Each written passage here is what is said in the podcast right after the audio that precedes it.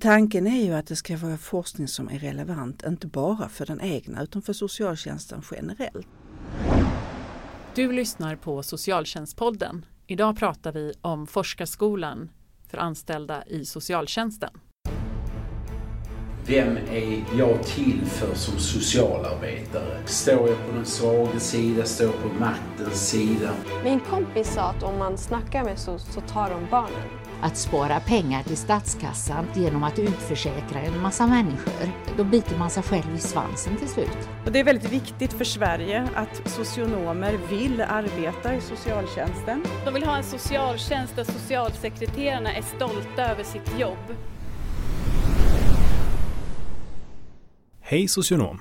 Du har väl inte missat att du kan bli auktoriserad? Socionomauktorisation inrättades för att stärka det sociala arbetet och ge klienter och arbetsgivare en kvalitetsgaranti. Läs mer och ansök på socionomauktorisation.se. Hej och välkomna till Socialtjänstpodden. Podden för dig som är intresserad av socialt arbete och socialpolitik och som görs av Akademikerförbundet SSR. Hur får vi forskning som är mer relevant för yrkesverksamma i socialtjänsten? Och hur får vi yrkesverksamma att implementera nya forskningsrön i sitt arbete? Det är frågor som man funderar över lokalt, nationellt och internationellt. Och ett sätt är ju att ha kombinationstjänster där man kan kombinera forskning med praktiskt arbete. Sådana tjänster finns just nu inom Forskarskolan för yrkesverksamma inom socialtjänsten. En av föreståndarna för den är Kerstin Svensson, professor i socialt arbete vid Lunds universitet. Välkommen Kerstin till Socialtjänstpodden. Tack! Kan inte du börja med att berätta lite, vad är Forskarskolan för något och vad har ni för uppdrag? Mm. Forskarskolan är ett samarbete med fyra lärosäten. Malmö, Lund och Göteborgs universitet och Linnéuniversitetet tillsammans. Och det är Malmö och Lund som är ansvariga. Och vårt uppdrag är att under en åttaårsperiod utbilda totalt 30 socialsekreterare eller andra verksamma i socialtjänsten till licentiatexamen. Där de under fyra år ska parallellt studera på forskarutbildning och arbeta i sitt vanliga jobb. Och hur mycket är det forska och hur mycket är det Det är jobba? hälften hälften. Och det är ju tanken då alltså att man ska vara lika inkluderad på universitetet som man är på arbetsplatsen. Mm. Mm. Och vi har ju tidigare poddat med Forte om det här med mm. forskning i praktik. Eh, vad ska man säga, det första, innan det blev klart att just mm. ni skulle vara forskarskolan. Eh, och att det är ett led i eh, den nya mm. forskningspolitiken. Ja. Det är ju ett av flera led i, i, der, i satsning mm. om tillämpad välfärdsforskning. Och Forskarskolan var det ju en utlysning som vi sökte och fick medel från 1 december 2018. Medan sen fortsätter ju den här satsningen med tillämpad välfärdsforskning som är olika projekt och olika mm. typer av samarbeten. Och vilka är det då som kan bli antagna som doktorander mm. eller eh, forskare? Vad innebär det för den yrkesverksamma och hens mm. arbetsplats? Mm. Till att börja med vilka det är som kan bli antagna så måste man vara behörig för forskarutbildning. Mm. Det är precis samma regler som för vilken forskarutbildning som helst. Och, det, och vad krävs då? Och, ja, det krävs att man, är, eh, man har en eh, akademisk examen, socionom eller motsvarande. Mm. Och man, man behöver ha 60 poäng, alltså ett års studier på, på avancerad nivå, vilket betyder efter filkandnivå. Socionomerna har ju en termin på avancerad nivå så det är ytterligare en termin. Och dessutom behöver man ha 30 poäng, alltså en termins studier på, i socialt arbete på avancerad nivå. Och ett arbete, typ uppsats, på, också på avancerad nivå. Men det, det, här arbetet som motsvarar uppsats måste inte vara en magisteruppsats. Nej. Man kan säga att modellen, grundmodellen det är en socionom och magister. Har man mm. socionom och magister så är man behörig. Men sen finns det i alla led motsvarande. Och till exempel det här med att ha 30 poäng, alltså en termin på avancerad nivå socialt arbete. Det kan ju vara att man har skrivit en masteruppsats i något helt annat ämne. Men är man socionom i grunden eller jobbar i socialtjänsten är det stor sannolikhet att det man har skrivit om skulle ha kunnat godkännas som en uppsats i socialt arbete. Mm. Och då är man behörig. Så det är liksom, finns viss utrymme även om man inte har socionomexamen och en magister? Ja. Men Så att det- avancerad nivå måste man ha? Avancerad nivå måste man ha. För att gå upp. Men som sagt det är goda möjligheter för alla samhällsvetare i alla fall. Mm. Att man har en samhällsvetenskaplig grund. Och vad innebär det då för ens arbetsplats och för en själv om man blir antagen? Mm. Eller vad är det arbetsplatsen måste göra för att man överhuvudtaget ska kunna bli antagen? Ja, arbetsplatsen det är just det, det är ju en annan faktor. Mm. Arbetsplatsen, arbetsgivaren måste också gå med på det här för att arbetsgivaren är med och finansierar. Mm. Man, har, man eh, studerar på halvtid, man har hela sin lön som vanligt fra- från arbetsgivaren. Men arbetsgivaren får hälften av halvtiden, alltså hälften Mm. av forskningstiden från forskarskolan. Så arbetsgivaren måste tycka att det är okej att betala 25 procent Ja. av en lön? Ja, så är det. Men för det ska ju arbetsgivaren också få någonting tillbaka. Mm. Så att tanken är ju att det här ska ske i nära samarbete mellan universitetet och ar- arbetsgivaren. Så att man hittar former, och det får ske utifrån var och en, man hittar lämpliga former för hur man kan föra tillbaka forskningen. Mm. Och då är det viktigt att säga att det inte bara är den forskning som just den personen gör, utan det kan handla om att doktoranden gör kunskapsöversikter av andras forskning Mm. och det kan man föra tillbaka. Plus att de är en hel grupp forskare tillsammans som för tillbaka så att man som arbetsgivare får man ju del av allt detta. Så det är inte bara liksom ens egen doktorand utan man får åtminstone just nu tio som man kan Just det, man får Forskares- tillgång till alla, ja precis. Och där, eh, det är ju inte helt givet att man får tillgång, att forskning kommer till att ske i den egna organisationen. Nej. Men tanken är ju att det ska vara forskning som är relevant, inte bara för den egna utan för socialtjänsten generellt. Mm. Och därför blir ju också alla doktorandernas forskning relevant för alla arbetsgivarna. Och här ser man då, det är ju liksom ett sätt att kunna få ihop det här med forskning och praktik. Ja. Låter det ju som. Ja. Och hur gör man då för att ansöka? Ja, man går in på Forskarskolan FYS. Mm. Vi heter FYS, Forskarskolan för yrkesverksamma i socialtjänsten. Forskarskolan FYS i ett ord går man in på på nätet och så hittar man vår hemsida. Mm. Och där finns alla instruktioner om hur man gör när man söker. Men det finns också information om våra ambassadörer. För på var, vart och ett av de här fyra lärosätena finns det två ambassadörer. De kan också vara till hjälp när man skriver sin ansökan. För i ansökan ska det finnas en plan, vad man har, vilken idé, vad det är man vill forska om. Och för att utveckla den planen så kan man ha så många samtal man behöver och hinner Ja. med, med med de här ambassadörerna och putsa på denna plan. Det är inget fusk att få hjälp utan tvärtom så är det meningen att, att man ska kunna få det. De finns inom forskarskolan för att kunna hjälpa till. Ja, precis. Och sen har jag också sett att ni har ni kallat till, till informationsmöten på alla inblandade lärosäten. Ja, och de kan man se dels på vår hemsida och dels på vår Facebook-sida, Forskarskolan FYS. När är det man kan ansöka då? Den öppnar den 9 december och stänger den 9 mars. Så det, det är tre månader, Mm. drygt tre månader nu framöver som det är öppet för ansökan. Bra, alltså man kan säga att när, när den här eh, podden läggs ut så kommer man snart kunna ansöka. Ja. Jag får säga också att vi har ju antagit en grupp nu Mm. som började nu i september 2019. Och de är, de, den utlysningen hade inriktning med barn, unga och familj. Mm. Och den här som öppnar nu har inriktning mot omsorg, äldre, funktionshinder och därtill angränsande områden, till exempel psykisk ohälsa. Och det betyder att det är där vi i första hand försöker rekrytera. Vi är inte, det är inte så utan vi kan tänka oss även från andra områden men det är det- ditåt vi har blicken i första hand nu. Mm. Äldre, funktionshinder, omsorg och psykisk ohälsa. Och då kan ju det, om man säger eh, funktionsnedsättning och psykisk ohälsa också egentligen ha med barn att göra så Oh ja, länge det ja. har den inriktningen. Eh, Så det är det man ska skriva sin plan om för att ha störst chans. De har störst chans. Ja. Finns det fler antagningar då efter den? Sen kommer en omgång till året därpå, alltså som an- för att börja i september 2021. Mm. Så kommer det då nästa vinter att vara en utlysning. Och den lär vara helt öppen, alltså utan inriktning.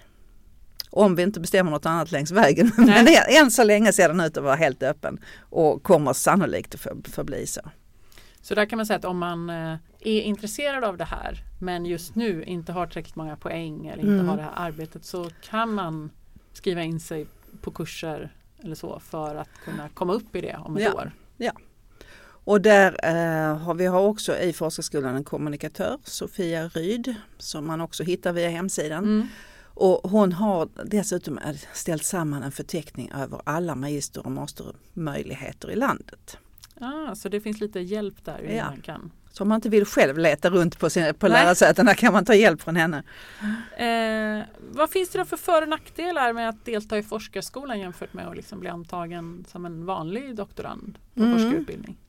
Fördelen är ju att du fortsätter vara i praktiken och att frågorna som, som väcks för forskningen blir, är väl förankrade i det löpande arbetet. Mm. Det, det är en stor fördel både för forskningen och för kollegorna på arbetsplatsen. Eh, nackdelen är ju att man har två halvtider. Man, man ska finnas lika mycket i två världar. Den ena, det vill säga arbetsplatsen, är mer bekant och den andra blir ju ny i början. Så att det är ju naturligtvis en satsning att man ska gå in i och eh, ha ett delat liv på två arbetsplatser. Mm. Men sen tänker jag som fackförbund så är det ju också en stor fördel att det för de flesta är en helt annan lön än vad man har som Det är en helt annan lön. Man har, sin, har kvar sin lön som man har i det vanliga arbetet. Och den är som vi har sett hittills avsevärt högre än vad den lön man har när man är doktorand. Mm. Och Eh, anställd, alltså anställd som doktorand annars. Men sen så har vi också det här med att lärosätena ligger ju företrädesvis i södra delen av Sverige. Ja. Och det var, det är ju en nationell forskarskola. Vi är öppna för, för eh, personer från hela landet. Sen fanns det en tanke när vi faktiskt slog oss ihop fyra lärosäten i södra Sverige. Och det är att vi vet vikten av att de här doktoranderna har varandra och att man kan ha sammankomster. Man kan träffas över dagen utan att det är alltför besvärligt. Mm. För att det är bara de själva som har den här dubbla rollen att tillhöra och de behöver varandra för att ge stöd om hur man löser olika situationer som uppkommer i det här dubbla.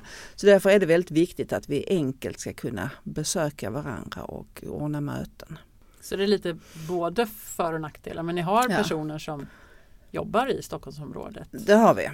Och eh, det är klart att det, det betyder, alltså även om vi försöker lägga alla våra sammankomster så att det är möjligt att resa så är det ju naturligtvis annorlunda ju längre man ska resa. Mm. Men, men det fungerar och vi, alla resor inom forskarskolan står vi för. Mm. Däremot så får man, om man bor lite längre ifrån så får man kanske se om man kan knyta sig till det närmsta lärosätet där.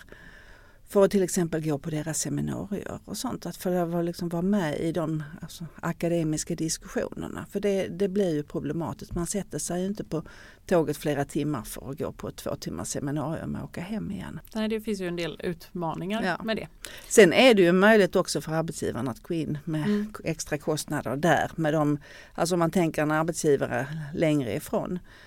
Att betala resorna till och kanske lite hotellövernattningar och sånt som, som ökar den möjligheten. Men vi har inte möjlighet att betala resorna till eh, aktivit- till så att säga vardagsaktiviteterna. Mm. Men så fort vi arrangerar något så, så står vi för kostnaderna. Vad är planen för de här studenterna de har forskat sina fyra år och då Mm. gör de en licentiatuppsats och Mm. inte en, en avhandling? Nej. Den är ju snarlik en avhandling. Mm. För att eh, i en doktorsavhandling så om man skriver en så kallad sammanläggningsavhandling så skriver man fyra artiklar och en kappa, en, Mm. en samlad eh, introduktion till de här artiklarna.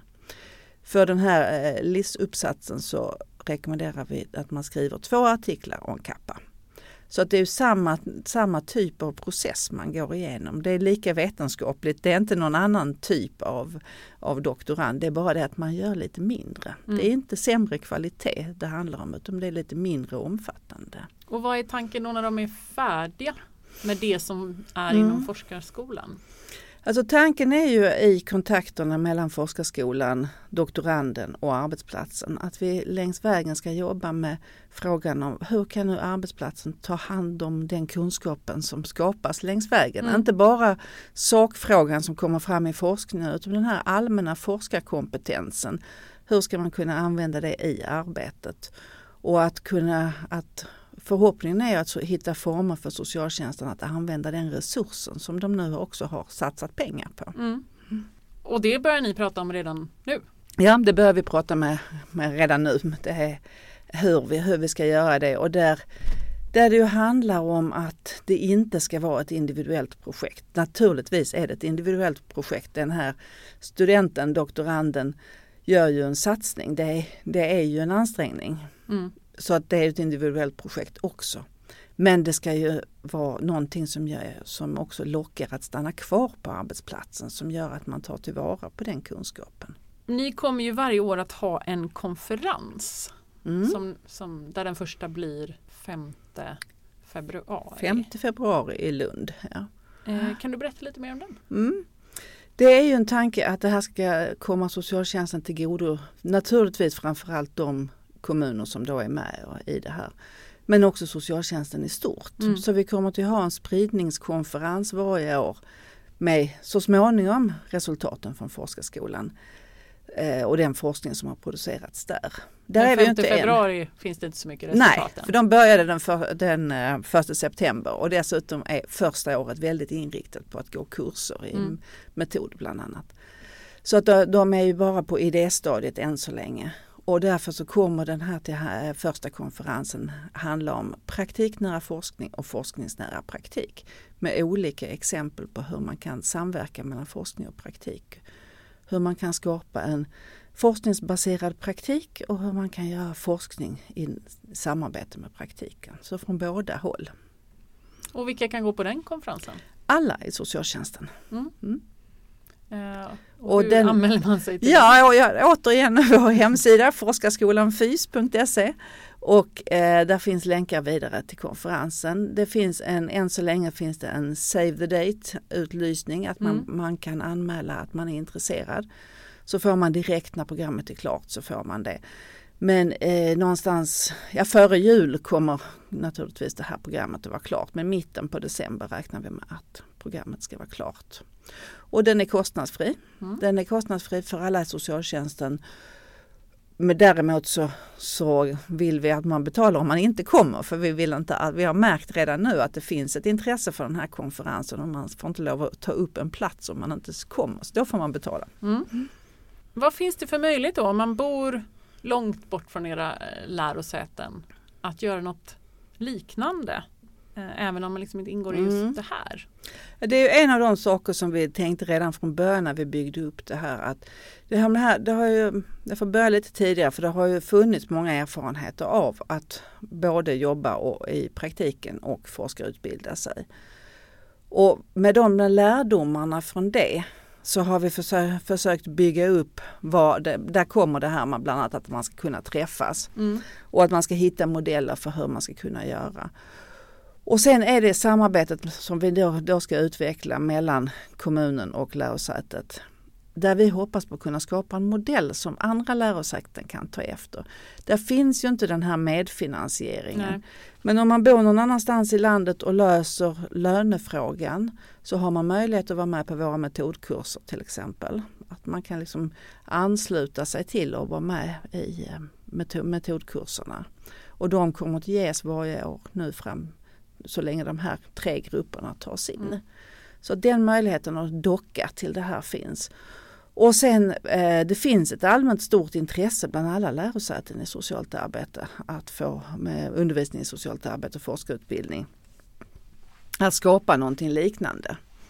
Eh, däremot inte den här volymen för den har ju då krävt den här finansieringen Mm. som vi har från Forte. Men att i liten skala med de personer som är intresserade så är det meningsfullt att ta kontakt både allmänt från kommunen eller från enskilda personer och diskutera med lärosätena möjliga lösningar. Mm. Och då kan det vara att man ska ta kontakt med den som är ansvarig för utbildning på På på, avancer- eller på Eller forskarnivå. forskarnivå. Ja. Mm. Vad tänker du att forskarskolan kan ha för betydelse för forskning i socialt arbete?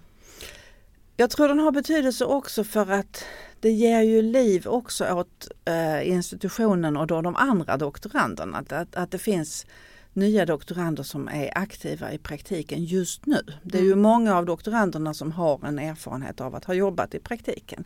Men de där aktu- den här aktuella situationen och att var, tänka socialt arbete, inte bara tänka forskning, det tillför ju någonting också till de andra doktoranderna. Att det blir en god diskussion på, på seminarier och på institutionerna.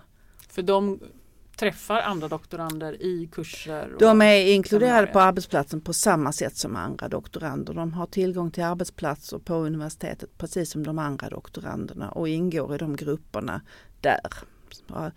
Så- på ett sätt har man ju tre tillhörigheter. Man, Ja. man hör till institutionen, man hör till, man hör till sin arbetsplats och sen har man den här gruppen i, i forskarskolan. Men till vardags så är ju tanken att när man finns på lärosätet så finns man ju där tillsammans med de andra doktoranderna som har var och en sina förutsättningar Mm. och sitt, sina sammanhang. Och vad tänker du att den kan få för betydelse för kunskapsutvecklingen i socialtjänsten? Vi hoppas ju på att den ska få, det är tidigt att säga än, men vi hoppas ju på att vi ska hitta former för hur man löpande i arbetet kan få in kunskap och diskutera forskningsbaserat i det konkreta arbetet. Och där kan jag ju lägga till också att vi är, när vi kommer längre fram, när vi har resultat att sprida så har vi också tänkt att vi ska arbeta hårt med att finna bra former för hur får man ut forskning på ett sätt som är lockande att ta till sig. Man kanske inte när man jobbar i, i löpande socialt arbete orkar sätta sig och läsa vetenskapliga artiklar. Man kan ha dessutom ha svårt för att få tag på dem. Mm. Så att hitta något annat format där man åtminstone kan få lite sammanfattningar och där man kan få ett första steg in och det tänker vi att det ska kunna ha betydelse för socialtjänsten i största allmänhet. Men kanske också bredare för socialt arbete att eh, det här hitta några eh, vägar för kommunikationen mellan forskning och praktik. Kan du berätta lite, vad är det de här tio personerna, vad är det de planerar att forska om? Mm, ja, det var ju inriktning barn och familj. Mm. Och eh, det är många som är, man kan säga att begreppet delaktighet har återkommit i många projekt med väldigt olika inriktning. Men barns delaktighet har, har haft, var en stor fråga. Mm. Eh, sen har man ju lite olika inriktningar. Vi har en doktorand som är intresserad av ungdomar och tramadolmissbruk. Det är också unga. Men Mm. Eh, vi har någon som är mer intresserad på kvalitetsarbete och eh, systematiskt eh, ut, följa upp verksamheten. Och som också kan användas på barn och unga men som kan vara rele- relevant även för andra verksamheter. Och sen har vi några frågor om eh, organisation, sätt att organisera arbetet, om det blir skillnad om man ger en insats som service eller som bistånd. Mm. Och vi har projektidéer kring rent konkreta insatser. Hur blir det när vi gör detta? Våld, har vi våld, våld i familjen är också ett tema som finns med. Och de här planerna håller nu på att processas så att de förändras lite grann under, längs vägen men man ska nog säga att det är snarast att de förfinas. Mm. Det är samma idé som man gick in med. En fråga vi har fått i samband med utlysningen är, får arbetsgivaren lov att bestämma vad man ska forska om? Och det är helt okej om den som ska göra det också är med på det. Ja. För att forskning kräver att du har ett intresse. Ska man orka med och göra det här så måste man själv vara nyfiken på vad som ska komma Mm. fram. Man måste liksom ha lusten att driva det här. Ehm, sen är det ju alldeles utmärkt om, om arbetsgivaren redan från början har ett intresse också av just den här frågan. En sak som också har kommit upp där det är den här frågan om, ja men syns arbetsgivaren någonstans? Men liksom blir någon form av reklam för Ja, ofta vill man ju bli den där eh, kommunmodellen. Ja. som, och ehm, eftersom det ska vara sån forskning som är relevant mer än i en kommun så kanske det inte blir så att man utvecklar just en specifik modell. Men i alla publikationer och allt sånt så kommer de här doktoranderna till att stå som representanter för sin kommun Mm. och sitt lärosäte. Så det kommer på alla sätt vara tydligt vem det är som är med i det här. Så det blir lite som så här, äh, kan locka kommande kommuner också att eh, framstå som Ja. att man är intresserad och eh, vill liksom ligga i framkant när man utvecklar sin verksamhet. Ja, just för kommunernas del så är det ju Alltså värdet för dem är ju dels är det ju kunskapen som kommer in, dels är det ju det här att vara en kunskapande organisation. Mm. Att man, är, man blir en attraktiv arbetsplats genom att vara intresserad av utveckling.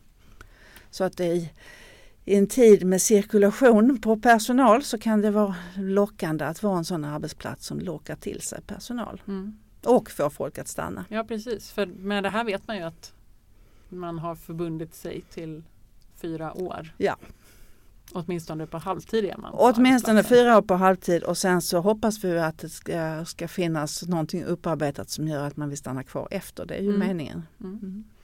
Eh, för det låter ju som att eh, flera av de här temana också känns lite igen från eh, det här arbetet som Forte har gjort med att samla in vad är det, vad skulle chefer i socialtjänst och vad skulle praktiker i socialtjänst Mm. vilja att det bedrevs mer forskning om? Ja, Det ligger ju när vi har ju inte vi har inte så i detalj tittat på, på att det här stämmer det här med de, de prioriterade områden men det har ju fallit ut så att de gör ju det i stor Mm. utsträckning.